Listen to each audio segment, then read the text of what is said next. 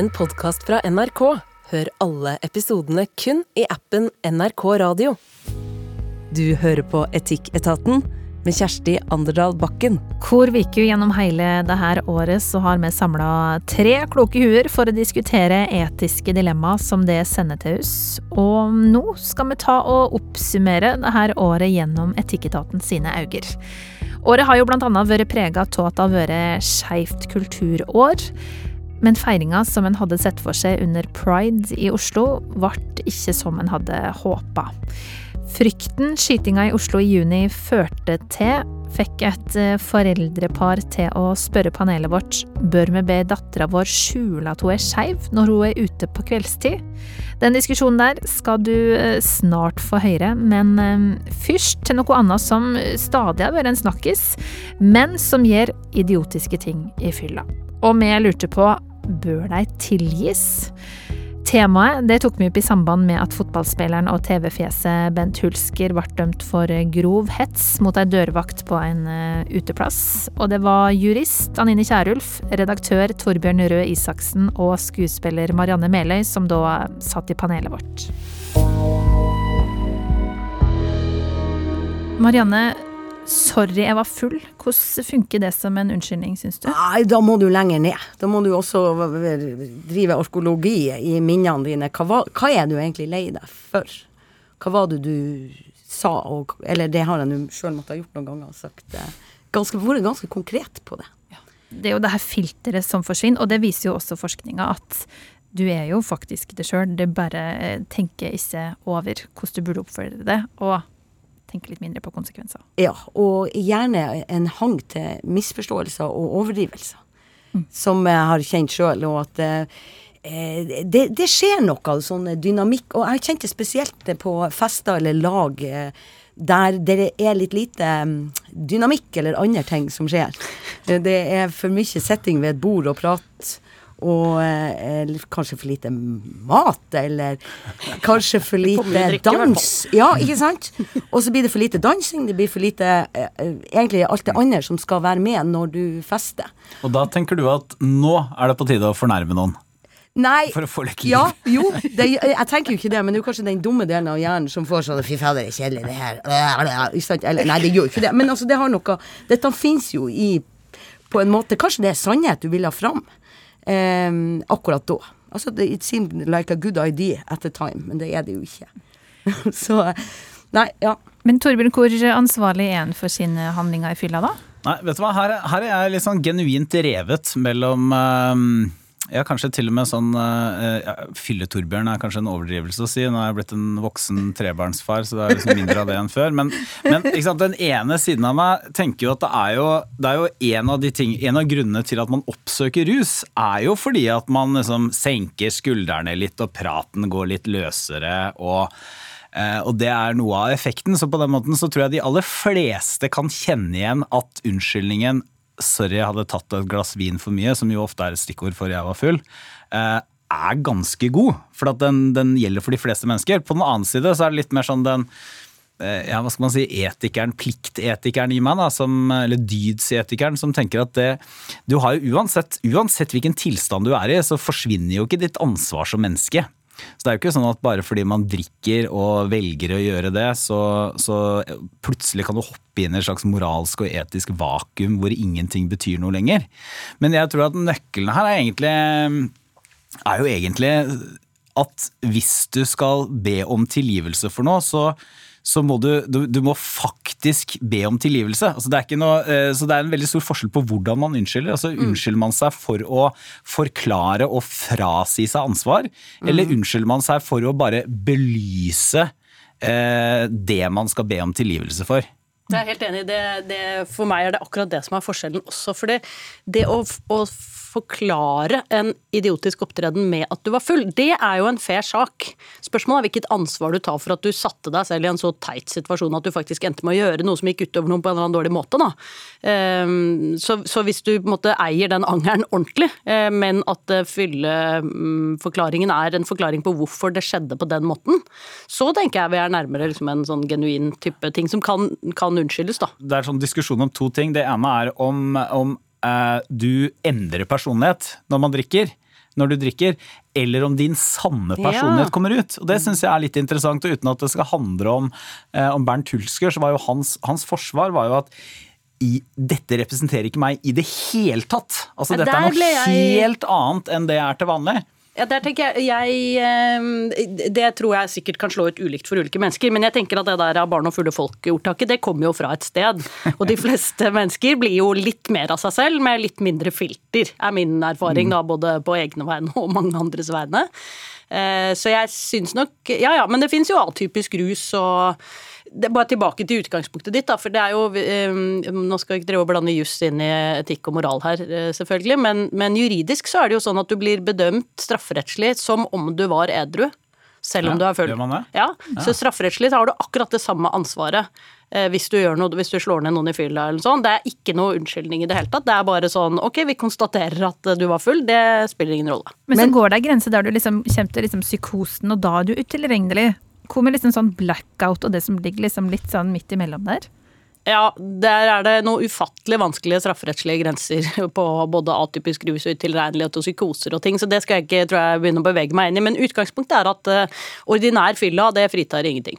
Ja, og så er det jo noe med at man sier eh, det sanne jeg kommer fram. Det er nå vel kanskje ikke alle som har et sånn klart forhold til at vi har ett sant jeg.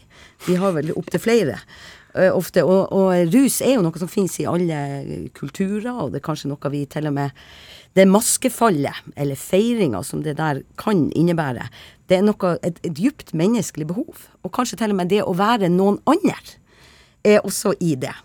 Eh, ikke være kanskje mer seg sjøl, men kanskje man skal være en helt annen. Eh, kanskje man skal være Danse-Torbjørn eller eh, Anine med Hva du sa, du var så godt humør i film. Altså at man, man utforsker noen andre sider av seg sjøl. Så Ja. hva det sanne jeget er, også i den, den uh, hulskersituasjonen. Mens man det, det ille er jo når man sitter på en måte og sier det man egentlig har tenkt, eller begynner å snakke om en grensestein som ble flytta på 30-tallet, og nå skal de pinadø få den nabofamilien. Altså det her er gammel sannhet som endelig skal ut pga. eh, at det har vært for lite ventilering i et, i et samfunn. Da kan man jo snakke om at en type sannhet kanskje kommer fram i, i den type ja. Men hvis man, hvis man ser på det på en litt annen måte, så, så tror jeg likevel Jeg tror det er ganske bra sånn på samfunnsnivå. Altså hvis man, holder, hvis man tenker mer sånn funksjonelt på dette og holder de mer dypereliggende etiske problemstillingene eh, utenfor, så tror jeg det er veldig gunstig på samfunnsnivå at vi godtar unnskyldningen 'sorry, jeg hadde tatt noe glass med øl, eller jeg var full', ganske ofte. Mm. og jeg tror vi godtar den rett og slett fordi det er noe veldig allmennmenneskelig gjenkjennelig her. Eh, fordi at de aller fleste har Det er ikke sikkert man altså hvis vi, Her snakker vi jo ikke om liksom grov rasisme eller utskjelling eller grov trakassering, men sånn ah, den vitsen var kanskje litt upassende, eller jeg eh, ja, gjorde et eller annet som ikke var helt sømmelig, da. Ja, nei, da er det jo fint at eh, sånn, terskelen for, det, for å tilgi det er ganske lav.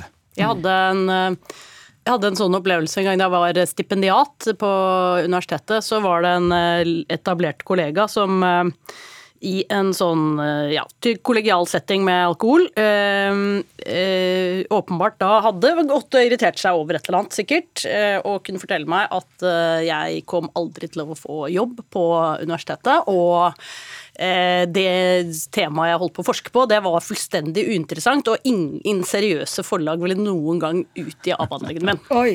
Det var liksom sånn, det funker jo ikke så godt å si til unge folk på universitetet ofte. Så, men da tok jeg og skrev en eh, e-post til han.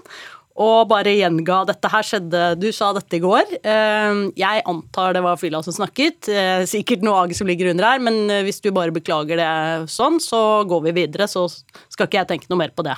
Jeg sendte ikke noe mer kopi til eh, dekanus, da. Eh, Så fikk jeg jo svar ganske fort. Eh, Men det har jeg da tenkt at når han da umiddelbart sa 'herregud, det der var håpløst, skulle jeg aldri ha sagt', liksom, og beklager det sånn ordentlig, så kan vi gå videre. Klar, ja, klarer du å forholde det til han som om det ikke har skjedd etterpå? Det ligger, altså, det ligger jo i bakken. Men jo, men det tenker jeg det skylder man hverandre. Hvis man gir hverandre sjansen ok, nå kan du si unnskyld, og så er vi ferdige her. Da får man holde seg til det selv òg. Men for en utrolig stilig måte å fasilitere en renselse og en unnskyldning. som du gjorde. Jeg tror jeg bare var så eitrende sinna at uh, jeg vet ikke. Og veldig imponerende at du klarer liksom å forholde det til han uh, på en god måte etterpå. Fordi jeg kan kjenne litt, hvis det er liksom en ekkel fyr på fest, så tenker jeg at det her bor i det. Jo, men det er litt det Marianne sa i sted. ikke sant? Vi har ikke ett sant jeg. Det var en side som åpenbart finnes inni der et eller annet sted, og den var ikke så sympatisk, men det er ganske mange andre fine sider, så kan vi prøve å forholde oss til dem. Men jeg mener at det er, jeg mener at det er en ganske stor forskjell her også på, på, um, hvilken, altså på det formelle og det uformelle. Da. Terskelen for tilgivelse er mye lavere hvis det er, det er en vennegjeng eller det er eh, en eller annen sånn helt privat setting, enn hvis du plutselig kommer i en situasjon hvor det er hvor du har en eller annen rolle og forventning. Betyr, hva betyr det? Det betyr at da jeg var statsråd, eh, så, så er det, det er noe annet å eh, være full og gjøre noe dumt som statsråd, enn hvis det bare er liksom privatpersonen meg som sier et eller annet teit til Gjorde en du noe venn. dumt da? Ja. Eh, Jeg helt skulle til å si ja, det. altså, men ikke noe, sånn her, ikke, noe vold, ikke noe som har vært stått skrevet om i avisene, i hvert fall. Så da er det ikke noe grunn til å si det nå. Da har det ikke skjedd. Her har vi en jobb å gjøre. Eller hvis du er sjefen på et julebord, så er liksom forskjellen på hva du gjør da, og valøren i unnskyldningen 'sorry, jeg var full', er litt annerledes fordi at i rollen sjef på julebord, så ligger det noen forventninger som du ikke kan drikke deg bort fra. Det er jeg helt enig i. Og kort år så skjer altså um, titusenvis av voldshendinger her til lands eh, som har sammenheng med alkohol. Men i, i jussen, Anine, har anger noe å si? Ja, det kan ha noe å si, og tilståelse kan jo ha noe å si hvis den kommer uforbeholdent. Sånn at det er mange sånn formildende omstendigheter du kan eh, si, komme deg til gjennom eh, anger og forsøk på reparasjon. Um, eh, men eh, det er jo sånn med strafferetten at hvis du først har begått et straffbart forhold, så, så er det på en måte Da er det gjort, og da, da kan du ikke reparere den strafferettslige skylden i noen grad. Det fins noen sånne bestemmelser om retorsjon og sånn, men det er, veldig, det er veldig få av dem. Men jeg tenkte ørlite grann på det. Nå, nå har vi jo snakket helt generelt om dette, og ikke den Hulsker-saken, og det tenker jeg i grunnen er greit. Men, men eh, jeg tittet litt på den, og der var jo noe av kritikken i ettertid, forsto jeg, at han ikke hadde Eller det tok lang tid før han sa unnskyld, da, så da ble det liksom enda verre, og det skjønner jeg jo. Mm, Men sånn som jeg leste dommen, så så hadde han på stedet, mens han da fremdeles var full og skjønte at denne showmodusen, som han selv mente at han var i, den ble ikke så veldig morsom, så hadde han beklaget. Eh, og det eneste bruken jeg så av det eh, forholdet der i dommen, det var at dommeren sa ja, og da kan vi se at selv han forsto at han hadde gått over en grense her, så derfor er vi mer inne i liksom skylden enn det vi ellers ville vært. Og det syns jeg var en litt pussig måte å bruke den unnskyldningen på, fordi ja, du kan bruke den til å si det, da skjønte du at du gikk for langt, men kanskje man skulle se hele den ytringssituasjonen litt mer enn som en helhet. Eh, At, eh, at når man beklager ganske umiddelbart, så setter det kanskje ytringen i et annet lys. Og mm, det er ikke sikkert at det skulle skje for akkurat den konkrete ytringen her, da, men jeg tenker i, på en fest, da, hvis det er sånn det blir eh, drittslenging eller sånn frem og tilbake en del, og så ryddes dette opp, ikke sant, fordi noen andre på festen sier hei, hei, hei, nå må dere ta og roe dere litt grann ned, nå tar dere hverandre i hånd, dette ordner vi opp i. Istedenfor da liksom å gå tilbake og si akkurat den ytringen der, den gikk for langt, så den skal vi straffe uansett. Eh, og, og det der med de der som eh, da skal eh, stoppe galskapen, så jeg, jeg tenkte på det for noen år siden. Jeg sto i en Altså julebordtida, den går vel man inn, inn i igjen. Kanskje på vanlig, pa, ikke pandemisk vis. og helsikes drosjekøliv og et enormt eh, sånt eh, aggresjonsnivå ofte i, eh, i Trondheim da jeg kom ut. Og så husker jeg for noen år siden så jeg det sto sånne Securitas-folk, eller hvem det var, eh, som eh, ga folk toddy, eller noe varmt å drikke. Og du så at det, ikke sant, den her eh, lille hinna i sivilisasjonen var liksom nesten i ferd med å briste. Så får folk avleda seg med å få en kopp varm noe, og så blir eh, taxikøen til å leve med. Og det har minnet meg så veldig om hva man gjorde på bygdefester når jeg vokste opp. Det var liksom når bygda begynte å komme på kant, og det var begynte å bli litt sånn dårlig stemning, folk har begynt å huske mopeder som ikke var betalt, eller noen sjalusidrama, og hun var i lag med han, og noe greier. Da brukte man å kjenne ei sånn der kjøttkraftlukt. Akkurat når du skulle liksom begynne å bryte revkrok og slå noen i hodet. Og da var det bygdekvinnelaget som kom med ertesuppa og varme rundstykker, og eh, liksom man slapp det man hadde og satte seg og spiste. Å, det er fint. Mødrene vet du, kommer inn og rydder opp. Et storblomstra tog, ikke sant, med sånn der eh, Og jeg tror det er noe der òg, for da kan du også, i den eh, gryterett- eller ertesuppesituasjonen, også kanskje da gjøre opp litt. Jeg mente ikke sånn, og og så tørker du litt opp, og så er man ikke så full. Og så kommer et annet sant jeg fram, kanskje òg, som kan gå litt sånn arm i arm hjem eh, etter det, her. Et godt føre-var-tips fra Marianne Meløy, som trolig har avverga noen idiotiske handlinger på fester rundt om. Vi skal fortsette å oppsummere året med her i eh, Etikketaten, og én ting som har fargelagt året 2022, det er at det har vært skeivt kulturår. Men så ble ikke feiringa under Oslo Pride sånn som en hadde håpa, og den erfaringa der fikk jeg mor og en far til å skrive til oss. og i panelet da var Danby Choi fra kulturavisa Subjekt, Linda Nord fra tenketanken Minotenk og Noman Mobashir, kollega her i eh, NRK. Vi er stolte foreldre til ei datter på 16 år som blomstra opp da hun for noen år siden skjønna at hun er skeiv, som hun velger å kalle seg sjøl. Denne våren gledde hun seg og med stort til å feire pride i byen her med bur. Men så veit vi jo hvordan det gikk i Oslo i juni, kvelden før den store feiringa, skudda som ble løsna og avlysningene som førte. Tida etter denne hendelsen har vært vanskelig for mange, og det har den vært for oss òg. Vi er redde for dattera vår, redde for at noe skal skje med henne. Henninga har ikke gjort noe med hennes stolthet, og hun bærer flere pride-effekter godt synlig til enhver tid. Vi som mammaen og pappaen hennes vil jo at hun skal fortsette å vise hvem hun er. Samtidig, når hun er ute på byen seint på kvelden, så har vi tenkt på om vi skal be hun gjøre pride-effektene mindre synlige. Det kjennes skikkelig dårlig at vi i det hele tatt tenker tanken om å be henne holde legninga si skjult, men frykta sitt i jus. Takksam for tankene deres, helsing stolte, men redde foreldre. Mm. Er, det, er det, grunn til å kjenne på frykt for sin skeive 16-åring Noman? Jeg syns jo denne jenta er veldig tøff og modig. Samtidig så er hun eh, et produkt av den tiden eh, hun lever i, og vi lever i. Eh, altså, I dag så kan du gå inn på Nille og kjøpe prideflagg. For, for, I min tid som 16-åring så hadde det vært helt utenkelig, og jeg blir fortsatt rørt når jeg ser prideflagg som, som ligger i en bøtte eh, på Nille. Um, samtidig så forstår jeg frykten og eh, bekymringene til foreldrene til denne jenta, nettopp fordi at du ønsker å beskytte barna dine. Men jeg tenker at vi alltid skal lære barna våre, eller ruste dem med en del verktøy. Vi må fortelle dem at selv om vi bor i Norge, hvor du kan være homofil, du kan være åpen og trygg og stolt, så fins det mennesker som kan skade deg. Det fins mennesker som ikke er enig med deg og din ledning og, legning og i din, din, ditt på, på, en måte liv, da. Og, og, da tenker jeg man må bruke sunn fornuft innimellom, og være street smart. Street smart, veldig viktig, uansett hvor du bor i verden. Så, så hvis man er, kommer i situasjoner, er på visse steder hvor hvor det kan bli en utfordring, eh, så hadde ikke jeg f.eks. gått med et armbånd.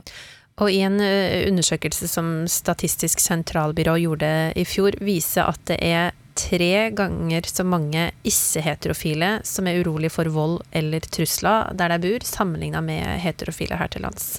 Så det kan jo være et eh, tankekors for mange. Eh, Danby skal være street smart og gjemme regnbuearmbåndet til tider, eller skal stå opp for eh, kampen? Nei, jeg er jo en sånn som eh, mener at man skal stå opp for kampen, og at det er det riktige eh, svaret på veldig mange av disse både voldelige aksjonene og helt ugreie konfrontasjonene på en buss eller i et selskap eller eh, disse tingene, som jo foregår ofte i Norge. Jeg hadde liksom litt lyst til å si til dette foreldreparet at eh, ja, selvfølgelig er det velment, men, men skal man også mm, fraråde dem å gå ute i trafikken? Skal man, det er veldig mange ting man også um, skal droppe å gjøre for sikkerhets skyld, men noen ting er liksom enda viktigere å gjøre likevel, og det er jo det som er er etiske vurderinger. ikke sant? Hvilke hensyn og hvilke hensyn er mest tungtveiende?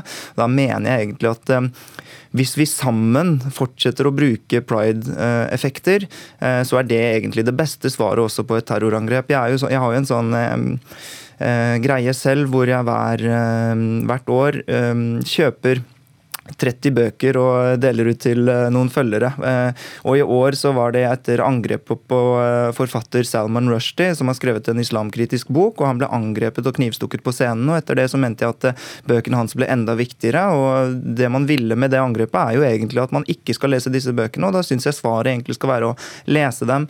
Og i år så har jeg tenkt å Jeg blir jo fattig etter hvert, men, men jeg har tenkt å gjøre det to ganger, fordi at akkurat nå i USA så er det LGBT-bøker som konservative aktivister hamstrer fra bibliotekene for å utilgjengeliggjøre dem for publikum. Og Da mener jeg riktig, den riktige måten å svare på er å lese mer, oppfordre mer. Det er et sitat som heter um, A book worth banning is a book worth reading. Og jeg tenker også Det om, det er så utrolig viktig at vi står sammen og bruker pride-effekter. Ekstra viktig når, når, folk prøver å gjøre det enda skumlere. Da. Så jeg mener det er viktigere i år enn tidligere år at man feirer pride. Men det er jo da eh, snakk om en 16-åring skal hun alltid måtte stå i den kampen der og utsette seg sjøl for risiko? Jeg, jeg syns hun, eh, utsett, altså hun er modig som gjør det. Og så er det jo um, Jeg syns det er kult at hun gjør det. Og så hva er det hun trenger da? Jeg mener hun trenger støttende foreldre mer enn hun trenger moraliserende foreldre. da. Uh, og, og, selvfølgelig så ønsker de henne det beste. Det, jeg, jeg, er helt overbevist om det basert på det innlegget du sender inn. Men samtidig så, så, så mener jeg at det, det, er ikke stor nok sikkerhetsrisiko. Er, vi må passe på å ikke la la oss skremme for mye også. Mm. Men uh, altså jeg kjenner sjøl at etter 25.6 så har det kommet fram så mange historier fra det skeive miljøet om hendinga der folk har vært eh, redde, blitt slengt dritt til, til og med liksom banka opp på grunn av legninga mm. si her til lands. Og jeg har tenkt at Norge er forholdsvis eh, trygt og greit. Det må gå fint an at en mann kysser mannen sin, uten at det skaper noen reaksjoner ute på byen. Jeg tror kanskje det er flere med meg som har vært litt naive og kanskje fått en reality check etter at denne historien har kommet fram. Kjenner du det igjen i det, Linda? Ja, vi eh, i Minotenk deler jo lokaler med Skeiv verden. Så vi er ikke overraska over de historiene som ble eh, på en måte tatt ut i offentligheten, fordi de historiene har eksistert lenge. Det er bare at ikke allmennheten har vært eh, kanskje interessert nok i, i det, dessverre. Og selv om pride har blitt en veldig sånn mainstream greie veldig fort. Og sant, kommersielle aktører har tatt det inn. Og det, jeg er jo av de som mener det er en positiv ting. Eh, men det er noe med å også faktisk huske at dette her handler om menneskers hverdager. Og om de små kampene man må ta hver dag når man skal faktisk gå ut av døra og utsetter seg for eh, små og potensielt store ubehageligheter eh, som en synlig minoritet. Og jeg tenker jo at Noe av det viktigste vi som samfunn kan gjøre, er jo nettopp det at vi må være mye mer bevisste når sånne ting skjer rundt oss. At vi, for jeg for eksempel, personlig føler nesten at det er lettere å gå med et pride-armbånd enn f.eks. å gå med hijab. Fordi at Jeg gikk med hijab i to år, og de ubehagelighetene jeg møtte med det, det var så mye vondere å takle fordi det også liksom angikk jo meg veldig personlig. Uh, og spesielt hvis det skulle handle om mine barn, så hadde jeg jo vært enda mer uh, sår på det. Men om jeg blir liksom uh, Jeg er jo ikke skeiv, men om jeg får noen ubehageligheter av å, eh, av å støtte den skeive bevegelsen, så føler jeg at det er faktisk litt lettere for meg å stå i det. For det, det, det liksom treffer jo ikke meg sånn helt personlig. og desto viktigere tenker jeg at det er at vi alle er med på, er solidariske og backer hverandre. Fordi og, og, og, og, på en måte la, la, krefter som ønsker å innskrenke friheten til ulike minoritetsgrupper vinne, det er noe av det farligste vi kan gjøre. Mm. Når du møter en person eh, Noman, i en sosial setting som du ikke har møtt før, som mm. har regnbuearmbånd, yeah. har det noe å si for det? Jeg blir jo veldig eh, glad og stolt, og så føler man et uh, samhold. Men uh, jeg, jeg, jeg, vil jo gjerne leve i en, en, verden, en drømmeverden kan du godt kalle det, hvor alle elsker alle og alle tolererer alle og vi respekterer hverandre for den vi er. Men det er ikke slik, og jeg tror at i hvert fall jeg som har barn, da uh, Som foreldre så blir du bekymra for barna dine. Uh, og da kommer du til og med med råd som kanskje strider imot eh, grunnleggende prinsipper som du vanligvis følger, nettopp fordi du ønsker å beskytte barna dine. Mm. Og så kan du godt si at eh, ja, men det er, det er, viktig at vi står opp for våre rettigheter, og at vi ikke skal la oss eh, eh kue og vi skal gjemme oss vekk. Men altså, skjer det barnet ditt noe? Hvis han eller hun blir slått ned på gata, eller i verste fall blir drept, da, da, glemmer du alle disse prinsippene. Og Derfor så tror jeg det ligger latent i oss at vi ønsker å beskytte barna våre. og Derfor så er disse foreldrene bekymra for sin 16-årige datter. Men jeg håper, håper at vi alle kan få gå med akkurat det vi ønsker. Eh, det er, en av de tingene jeg har fryktet eh, mest etter eh, terroren i Oslo 25.6, var jo også homofiles ytringsfrihet. fordi at det, det, er klart at et sånt angrep har en nedkjølende effekt. Fordi at han tilsynelatende gikk etter nettopp hvordan folk tedde seg og oppførte seg, og hvor de var. Eh, så, så jeg mener at Uh, ja, det den, Hva er den eneste kuren mot det? Jo, det er uh, vanskelig nok. Jeg skal ikke si at dette er enkelt. De eneste som tar feil i akkurat det spørsmålet her, må jo være de som tror det er kjempeenkelt. For det er det ikke. Og det er naturlig å tenke at, de, at, man, at man utsetter barnet for noe ved å støtte dem. Men sånn i stort så mener jeg at det er det viktige her. Og i, det, i en sånn etisk vurdering så tenker jeg at det, um, For å si det som Sokrates uh, til og med, det blir kanskje for stort og litt sånn livsfjernt, men sånn, det er viktigere å dø stående enn å leve kneblet, altså. Men jeg tenker likevel at eh, denne jenta er 16 år, vi er voksne. Så, så, det handler igjen om, ikke sant, som voksen, der skal du stå rakrygget. Der skal du kjempe for dine rettigheter. Men du kan ikke forvente det av en 16-åring. Nei, nei, det skjønner jeg veldig godt, og det er nesten litt sånn komisk. fordi dere, dere har jo barn, og jeg, jeg, ser for meg liksom meg sitte i ungen min 10 år, eller 16 år. Nei, det er bedre å eh, dø stående enn å leve kneblet, gå ut med de pride-detaljene, liksom. Eh, selvfølgelig, det her er jo helt uh, rått, som i, som i litt sånn hjerteløst å si. Men, men eh, bare for å være litt sånn prinsipiell og, og, ja, og, i en sånn teoretisk, etisk verden, så tenker jeg det er viktigst. Mm. Heime rundt middagsbordet til så sånn Skriv en kronikk om det, hvis ja. du mener noe skikkelig hardt. Ytre det. Tør du ikke å gå i pride-detaljer nå? Nei, det her er ikke lett, og det er jo derfor vi diskuterer det også. Det er, jo, ikke sant? Det er, det er viktige og vanskelige temaer. Men eh, Linda, helt til slutt, tenker du at foreldrene skal snakke om frykten de sitter med til 16-åringen eh, sin, eller bør det være noe der liksom tar skje imellom, og så må hun få lov til å leve i sin stolte verden? Jeg syns egentlig de bør være litt forsiktige med å overføre den eh, til datteren, fordi barn eh, lever jo veldig, i hvert fall når de er små, så tolker jo de verden gjennom foreldrene. Og etter hvert så vil jo de fortsatt se til foreldrene, og foreldrene, foreldrenes vurderinger vil veie veldig tungt. Og hvis de viser eh, Og, og, og vi, vi, må på en måte Akkurat når det gjelder terrorisme, eh, så er det noe som er iscenesatt nettopp for å skape en egentlig litt irrasjonell frykt. Mm, mm det er på en måte terrorens teater. Uh, og det er veldig forståelig at man blir det, men vi, vi, må ikke la det vinne, fordi da har også terroristene vunnet. Og, og det, er så klart det er vanskelig å si det til barn. Hvis selv er, altså hvis hun selv hadde vært veldig redd, da syns jeg man, man må, må, ta det på alvor og kanskje snakke om hvordan hun skal håndtere den frykten, og kanskje møte den frykten. For jeg syns det er veldig viktig at man ikke skal la livet sitt begrense uh, seg av terror. For eksempel, etter eh, terrorangrepet på moskeen i Bærum, så var det jo id dagen etter. Det skulle jo egentlig skje på id, men heldigvis skjedde det ikke på id, for da hadde det blitt et blodbad.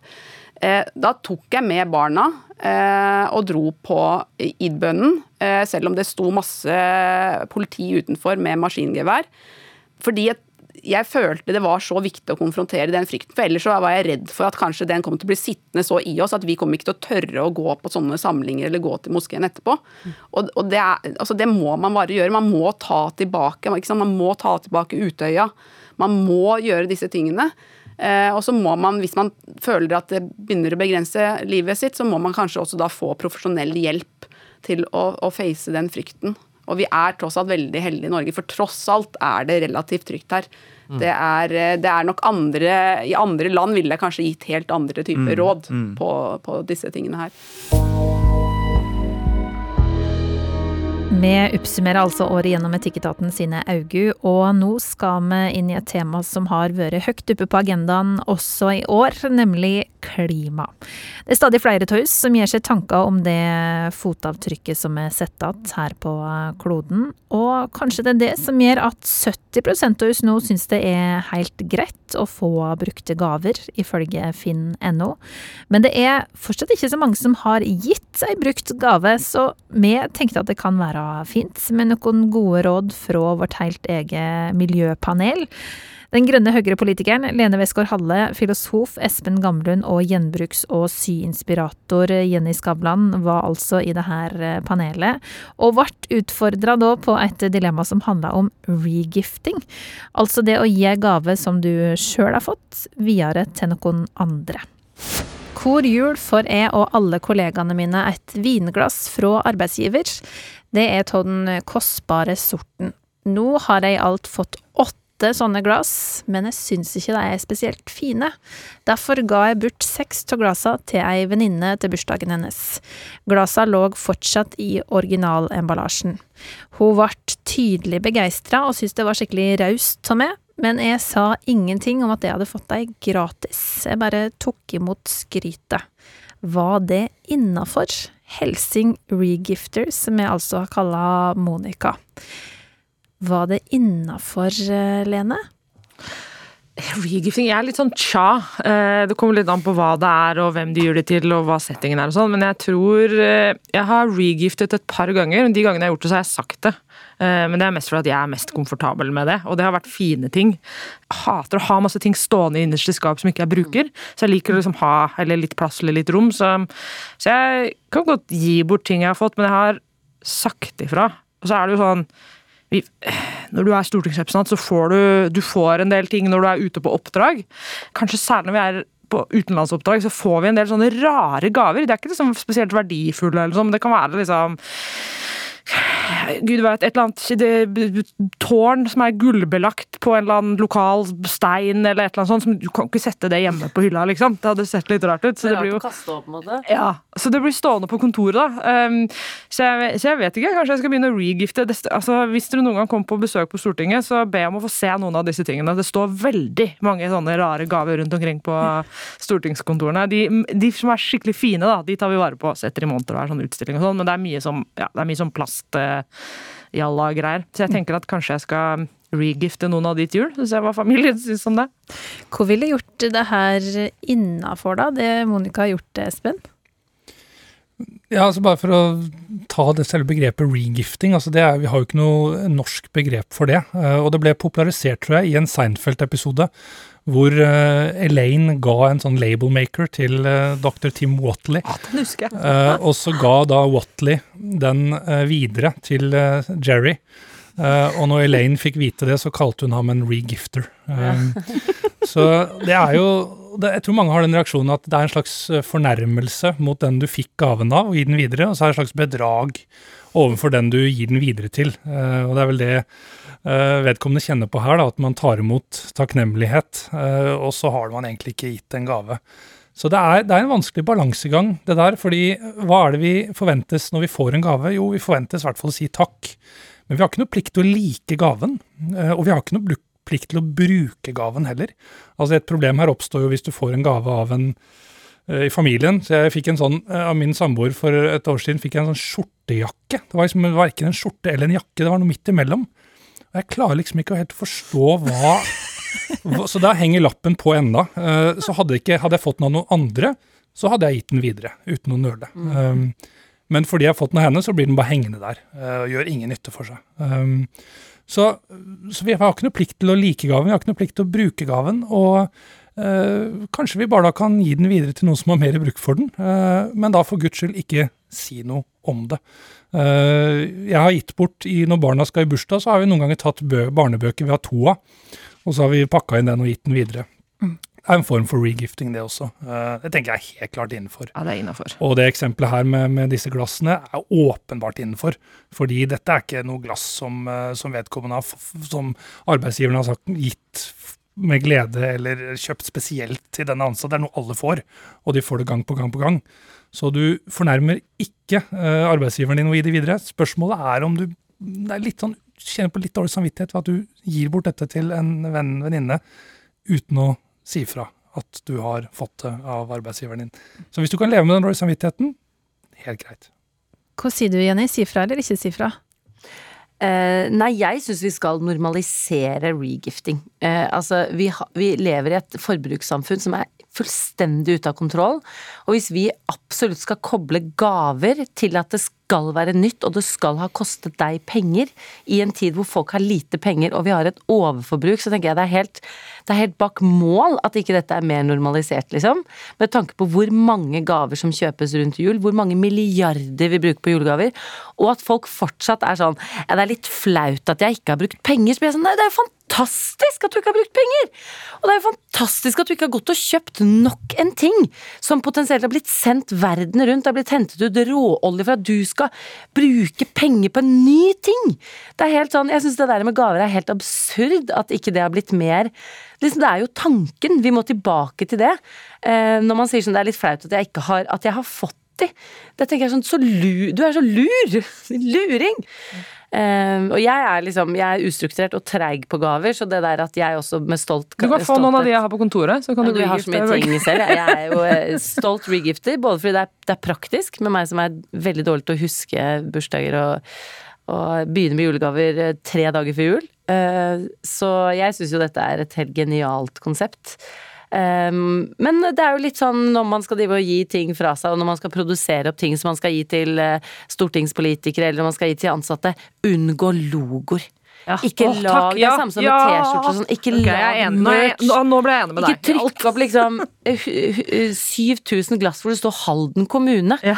Bare lag noen pene glass som kan Dette er sirkulært. Vi må lage ting som er sirkulære. Ting som kan mm. flytte eier.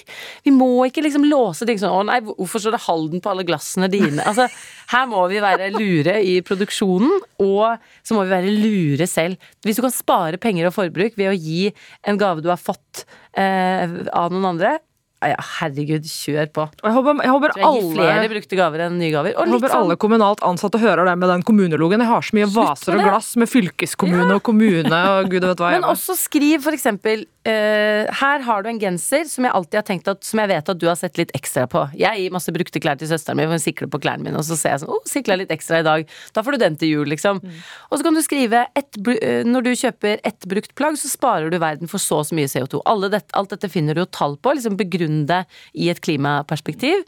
Eller også gi bort det å gi en brukt bok, f.eks., som du har likt, som du, ja, som du har lest og likt. Det er jo en fantastisk ting, istedenfor å si sånn Den her fikk bra terningkast, de på ark anbefalte den. Så mye hyggeligere hvis du selv har lest den og kan sette små merker i margen og si 'se ekstra her', liksom sånne ting. Da løser du det med den tanken. Ja. Så er det tanke bak. Ja. For at det bare er... Ikke si som det var litt praktisk, men si sånn 'disse tenker jeg at du hadde likt mm. veldig godt'. Altså Argumentere for hvorfor de får det. Det bør vi egentlig gjøre på alle julegaver uansett, for jeg tror det er veldig ja. mye sånn der vi bare kjøper et eller annet i siste, og hvis du handler tre dager før jul, da, så kan mm. det bli mye rart. Gavetradisjonen bidrar jo på en måte til å drive forbrukskulturen fremover, da. Mm. Så, så, det er et veldig sterkt klimaargument for regifting. Uh, men jeg tenker på igjen et spørsmål til du er vel, Hvis du er for regifting, så er det også mot ønskelister, da, vil jeg tro. Ønskelister blir jo ja, Det blir vanskeligere med regifting ja, det blir vanskeligere med regifting hvis, hvis du aksepterer ønskelister. Jeg tenker så, Hvis man sier sånn en, en, koselig ullgenser. Det er sånn takk, da kan jeg søke rundt på nettet, altså finne brukte ting. Men jeg presiserer, mine barn ønsker seg jo konkrete ting, men når ønskelisten går ut fra, så skriver jeg alltid sånn prøv å finne brukt. Mm. Og jeg tenker hvis den som skal motta gaven, presiserer vi tar gjerne brukte gaver, ja. så er det utrolig mye lettere, fordi hvis du som skal kjøpe gave sitter og er sånn jeg vet, jeg vet ikke om hva de syns om det, men hvis mottakeren, hvis alle sier sånn brukt er topp i vår familie, så er, er du kvitt den derre tankerekken skrekken, liksom. Det er jo dødsbra idé. Det skal jeg søren meg gjøre. Ta jeg med. Har du snudd, eh, Espen, i å ikke være åpen når du regifter, eller? Jeg, jeg, vet ikke. Altså ja, men eh, hvis jeg hadde klart å leve med dårlig samvittighet, så hadde jeg holdt kjeft. Uh, men hvis jeg hadde kjent at det var vanskelig, så tror jeg jeg hadde sagt fra. For men gaven mister noe av sin verdi hvis du sier at du har, de glassene du har fått av meg, de har jeg fått gratis av arbeidsgiveren min. Trenger ikke å formulere det på den måten, da. Nei, du kan jo Men du sier dårlig samvittighet. Jeg kjenner jo ikke et spor av dårlig samvittighet. Du blir sånn da men du lever med dårlig samvittighet. Jeg blir sånn hvilken ja. dårlig samvittighet da? Så her, ikke sant, dette var det vi snakket om i sted. Man føler ulike ting rundt ulike ting. Godt eksempel på det.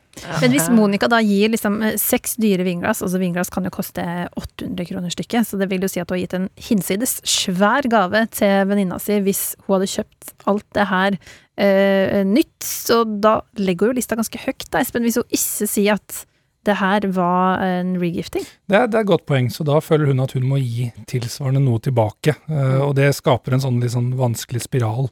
Så den kan jo løses da, eller kuttes ved bare at hun får vite at dette var regifta. Og da kan hun ikke bytte det heller, ikke sant. Det er litt sånn hvis regifter og så plutselig sier sånn du, det funket ikke, hvor er de kjøpt? Så blir det sånn å ja, jeg glemte å si. Så det er digg å bare si det med en gang.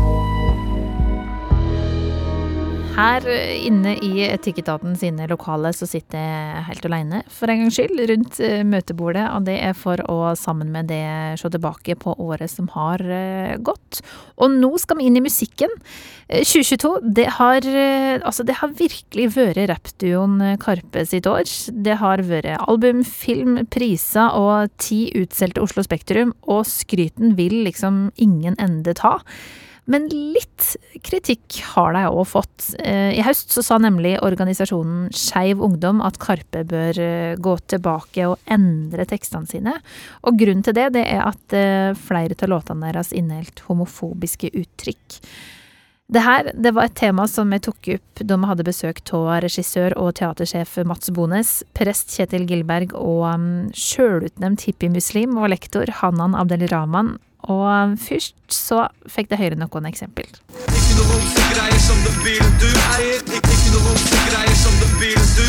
Kikker på meg rart, har aldri sett en farga mann før vi sparker rett i targa mens vi banker opp en nambøg. Ah, Begynte å pakke bagen min, flytter til mm, Romsås. Gutta så på meg og tenkte hm, jævla homsås. Fem til seks Karpe-album inneholdt eh, homofobiske skjellsord som gay, homo, homse og bøg, ifølge VG. Og Skeiv Ungdom mener at Karpe må ta ansvar for ordbruken og spille inn disse låtene eh, på nytt.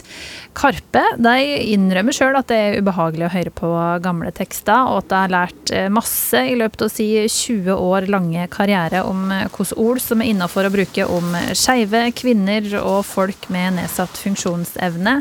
Men de vil ikke endre på tekstene sine.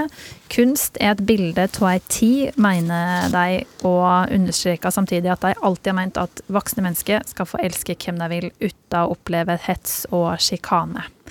Så spørsmålet er, skal en endre på tekster skrevet tilbake i tid fordi de nå kan være støtende?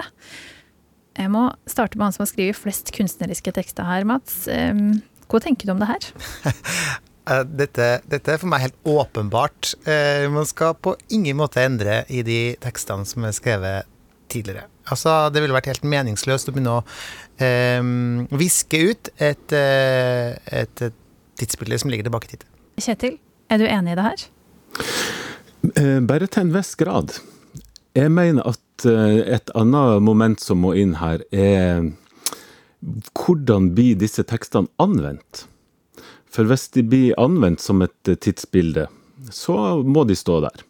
Men hvis de, hvis de ikke blir oppfatta som akkurat det, da, så tenker jeg at da bør en vurdere om en skal Altså hvis det er tekster som i dag sprer dårlige holdninger, da, eller holdninger vi ikke ønsker, så vil jeg bli glad hvis Karpe vurderer på ordentlig om, skal, om de skal forandre tekstene sine. Hanan, du er Karpe-fan? Jeg er veldig glad i Karpia, fordi eh, de er veldig flinke til å i hvert fall skildre hvordan mange av eh, ungdommer og barn med minoritetsbakgrunn har det. Eh, men samtidig, de skal ikke, når de har den posisjonen da, blant barn og unge, så det er veldig viktig at de er gode forbilder. Så jeg, jeg skjønner veldig godt at Skeiv Ungdom er veldig fortvila over disse tekstene, men jeg er for så vidt enig med Mats. da, at eh, å gå inn og endre noe kunstnering som man har laget, som passer til en viss tid, og rapp og sånn, det er jo en sjanger, på en måte, da. Og hvis vi hører på rapptekster i USA f.eks., det er utrolig frekke Mange skjellsord og mye sexistisk, da.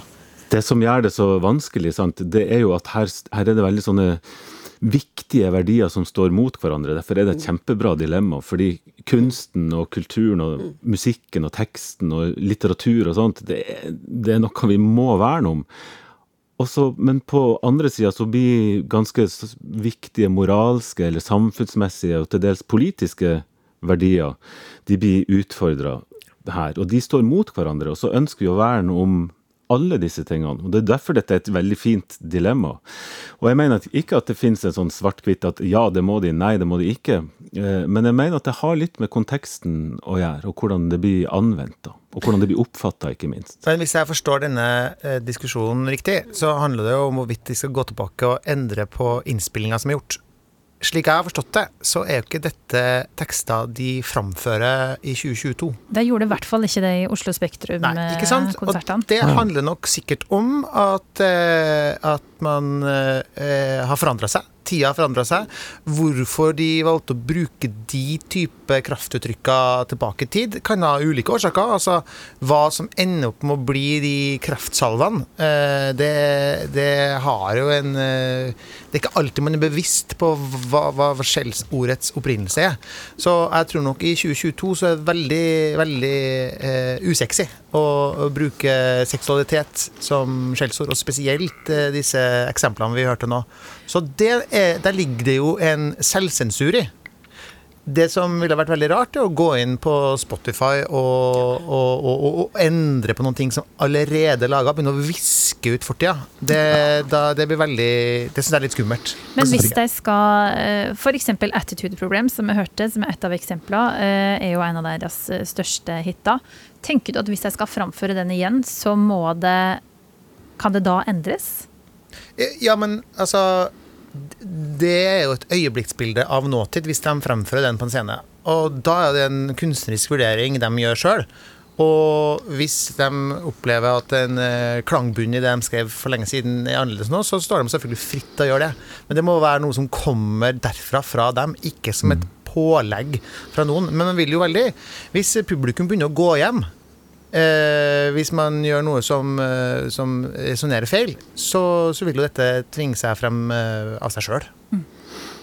Har du sjøl, når du er i teatret, eh, fått et manus foran deg som har et språk som du vegrer deg for å bruke, eller som du har endra på?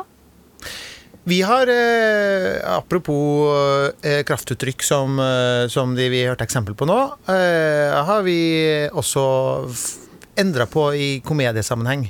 Vi hadde lenge en stor eh, komedieforestilling i Trondheim som het 'Slaget på Testiklestad', der vi, eh, der vi egentlig alltid har tulla med at, eh, at, at homo er brukt som skjellsord, er uhørt. Og det har egentlig vært denne vitsen vi har hatt, at når en, en lang rekke med kraftsalver kulminerte i homo til slutt, så blir det helt stille, fordi det kan man ikke si. Ehm, og det var gøy fordi alle var, opplevde vi enige om at det kan man ikke si. Men når man i lys av de hendelsene vi har opplevd eh, nå i sommer, så ser vi at jo, men det er faktisk mange som fortsatt bruker det som skjellsord. Da ble det helt annerledes for oss å tøyse med det på den måten, så da måtte vi rett og slett eh, inn og endre. Og det kom jo ikke for det lå noe sensur. Det kom rett og slett ut fra hvordan vi sjøl opplevde at det kommuniserte fra oss. Altså det ble utydelig det vi ønska å kommunisere, og da måtte vi eh, korrigere oss sjøl. Og, og korreksjon må man jo bedrive som eh, kunstner. Altså det er jo helt åpenbart. Jeg er overbevist om at også Karpe gjør når de skaper ting. Kjetil? Ja, der syns, Nå følger jeg jo helt med. Og jeg var ikke klar over at disse låtene ikke var spilt i Spektrum ti dager på rad. Jeg har tenkt at de, er, at de blir framført også i dag, i sin opprinnelige form. Og det syns jeg vil være veldig vanskelig å være med på, rett og slett for, nettopp pga. det Mats sier. At det, det kommuniserer helt feil.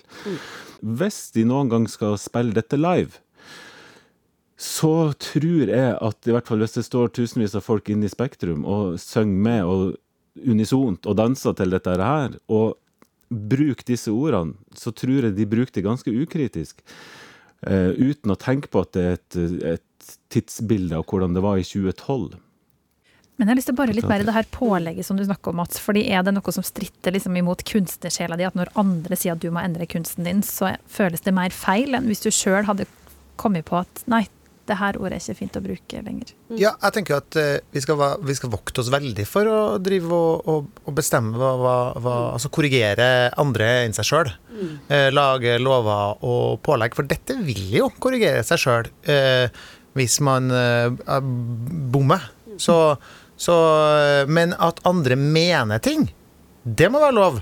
At man har denne diskusjonen om denne eh, ordbruken. Det er jo, det er jo sånn et uh, offentlig ordskifte og ytringsfrihet skal være. At noen retter et kritisk søkelys og sier 'hei, hva er det dere driver og synger', da? Eh, det her er noe kult. Det må være lov å snakke om. Men at det skal komme en slags påleggsordre uh, i overført betydning, det, det hører ikke hjemme i et fritt samfunn, tenker jeg. Fordi det er jo andre artister som har gått tilbake og fiksa på låta som har fått eh, kritikk. Blant annet eh, artisten Lizzo og Beyoncé som har brukt et ord som eh, spass, som kan være støtende for folk med funksjonsnedsettelse. Mm. Og Lizzo sier da ifølge VG at hun ikke har lyst til å promotere noe nedsettende språk, og at hun er stolt over å ha lytta til kritikken og gjort noe med det. Um, hvis jeg ikke framfører låtene Karpe på scenen, så kan jo likevel bli spilt på radio. Uh, Hanan, er det innafor? Eh, men igjen, som Mats sier, eh, det er veldig skummelt hvis vi skal begynne å sensurere og kontrollere ting som blir laget. Fordi eh, vi må ha såpass eh, stort rom da, for ytringsfrihet, og at folk skal ytre seg. Og vi kan komme med tilbakemeldinger og si dette her er ikke greit at man skal begynne å skrenke inn spillerommet da, som kunstnere har da, for å skape ting, det syns jeg er enda mer skummelt enn å komme med ubehagelig frekt ord. da. Og du som eh, er nærmest ungdommen av oss mm. eh, i Etikketaten i dag, som lærer. Eh, hvorfor har vi nå skjønt at det her er krenkende, men vi skjønte det ikke for en del år tilbake? Jo, jeg tror rett og slett fordi det er et ungdomsspråk. Det er sjargong mellom ungdommer. Og jeg tror ikke barn og unge skjønner helt hvor krenkende det er før en voksen har grepet inn og forklart. Og det, den situasjonen har jeg kommet med i med mine sjetteklassinger så tidlig som sjette klasse. Og da skriver jeg alle ordene på tavla, og vi er åpne om det, og vi snakker veldig åpent om det. Hvorfor det er krenkende og det er skjellsord. Det er ikke sikkert det skjedde på samme måte for ti år siden, at man snakka åpent om sånne ting. da. Pluss at det var ekstra kult og et tidsbilde og noe som passet til den tiden, da, når man laget sånn type låter. Men blir eh, ord som homse og homo brukt som skjellsord i skolegården i dag? Har, ja, det, hører du det? Det, det gjør det. Ja. Det gjør det altså fortsatt. I hvert fall eh, i Oslo øst, da, hvor jeg underviser. Vi har jo fortsatt det. Men jeg tror etter de hendelsene nå i juni, 25. juni, at eh, barn og ungdommer egentlig har blitt mer vare på det og veldig tenker over, og det har blitt mer fokus, som jeg er veldig glad for. At uh, har fått mer bevissthet da, rundt bruk av disse ordene. Mm. Kjetil, er det noen tekster i Bibelen som du kvier deg for å lese opp fordi, på grunn av språket? Eh, ja, ikke så mye på grunn av språket, men mer på grunn av innholdet. Eh, det står jo eh, ja, Noen er kvir meg for å lese som er veldig gode tekster. Det er jo fordi at jeg ikke klarer å følge dem. Det som står der. Altså, eh, elsk din neste som deg sjøl, selg alt du er til det fattige. Venn det andre kjenner til, tilgi når noen gjør det vondt. Sånne ting syns jeg er vanskelig å lese, fordi at jeg klarer ikke å leve sånn. Så list, ja, men det er en avsporing, da andre ting som når jeg liksom tar fram, virkelig tar fram innestemmen, det er jo de kjipe tekstene i Bibelen. Som sier f.eks. at uh, kvinner skal tie i forsamlinga. Eller uh, Det er ikke greit. Nei, det er ikke greit. ikke greit. Eller kvinner skal underordne seg sine menn. Eller, at, nei, nei, nei. eller det står om slaveri som samme står islam også, vet du. Ja, ikke sant. Og slaveri, da, som, som blir, ikke blir problematisert, de blir tatt som en selvfølge. Men, men også det er jo fordi at eh, Også Bibelen er jo eh, skrevet av folk som tilhørte og var prega av sin kultur og sitt samfunn. Og Bibelen er blant mye annet historisk, et historisk dokument som beskriver ulike kulturer og ulike samfunn. Og Hvis den hadde blitt skrevet i Norge i dag, så ville jo Bibelen sikkert båret preg av vår kultur og vårt samfunn. Så jeg tenker at det er viktig at de tekstene står der. Nettopp fordi at det forteller meg at Bibelen ikke er en oppskriftsbok på hva som er rett og galt, eller en etisk manual for livet bare det. Vi er nødt til å bruke vår fornuft og speile disse tekstene ut ifra vår kontekst, og dermed bli kritisk, sånn som det er snakk om her. Det er ikke likhetstegn mellom, det som, mellom bokstaven her og anvendelsen, og, og hvordan det kan være eh, aktuelt for vår tid. da. Da blir det jo fundamentalisme. Men hvis dere skulle satt opp et stykke på ditt teater, eh, Mats, med et gammelt, et gammelt manus, eh, der f.eks. N-ordet blir brukt. Mm -hmm. Og der har du ikke muligheten til å sette det i kontekst på samme vis som Kjetil kan gjøre i Kyrkja reflekterer rundt det. Ville du endra på det, eller kunne du endra på det, eller stiller det bare krav til publikum at du må skjønne at det her ble skrevet på 1800-tallet? Mm, jeg stiller krav til uh, både mottakere og avsender, så klart. Uh, og jeg ville jo da som leder ha hatt mulighet til å uh, korrigere hva jeg da, og vi som avsender ville ha framvist. Og hadde nok aldri i verden ukritisk framført et manus der N-ordet ble brukt uten at det var klinkende klart at eh, det var noe som tilhørte den fiksjonen. Mm. Men klart, eh, man skal passe seg for å forby ting i fiksjon. Eh, så, så, det finnes ikke noe enkelt svar på det. Men det finnes jo eksempler på at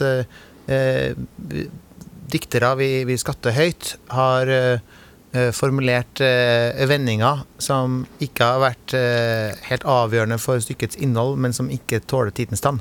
De mm. forsvinner. Ja. Det, hvis det ikke er noen poeng i seg sjøl, bort med det. Endre det.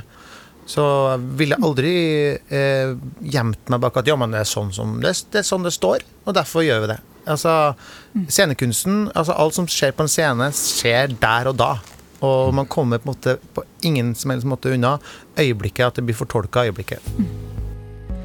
Det var noen av diskusjonene som panelene våre har hatt i 2022. Eh, og snart så blir stolene her i Etikketaten fylt opp igjen.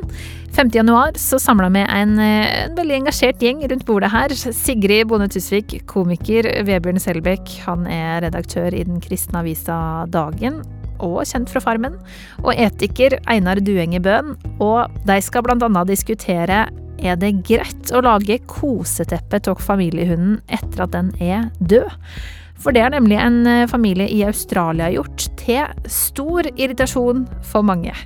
Fram til da så kan du høre flere episoder av Etikketaten som podkast i appen NRK Radio. Jeg heter Kjersti Anderdal Bakken, og vi høres snart. Du har hørt en podkast fra NRK. Hør alle episodene kun i appen NRK Radio. I det lange løp er tilbake i vinterdrakt. Jeg, Jan Post, og min makker Christian Ulriksen vil hjelpe deg å komme i form med gode råd fra løpere, vintersportsutøvere og eksperter på utholdenhetstrening. Hardt arbeid slår talent ti av ti ganger i, i, det lange løp. Sånn er det bare. Du får et annet stimuli på hjertet og på muskulaturen din. Hun er en av de beste gjennom alle tider! I det lange løp hører du først i appen NRK Radio.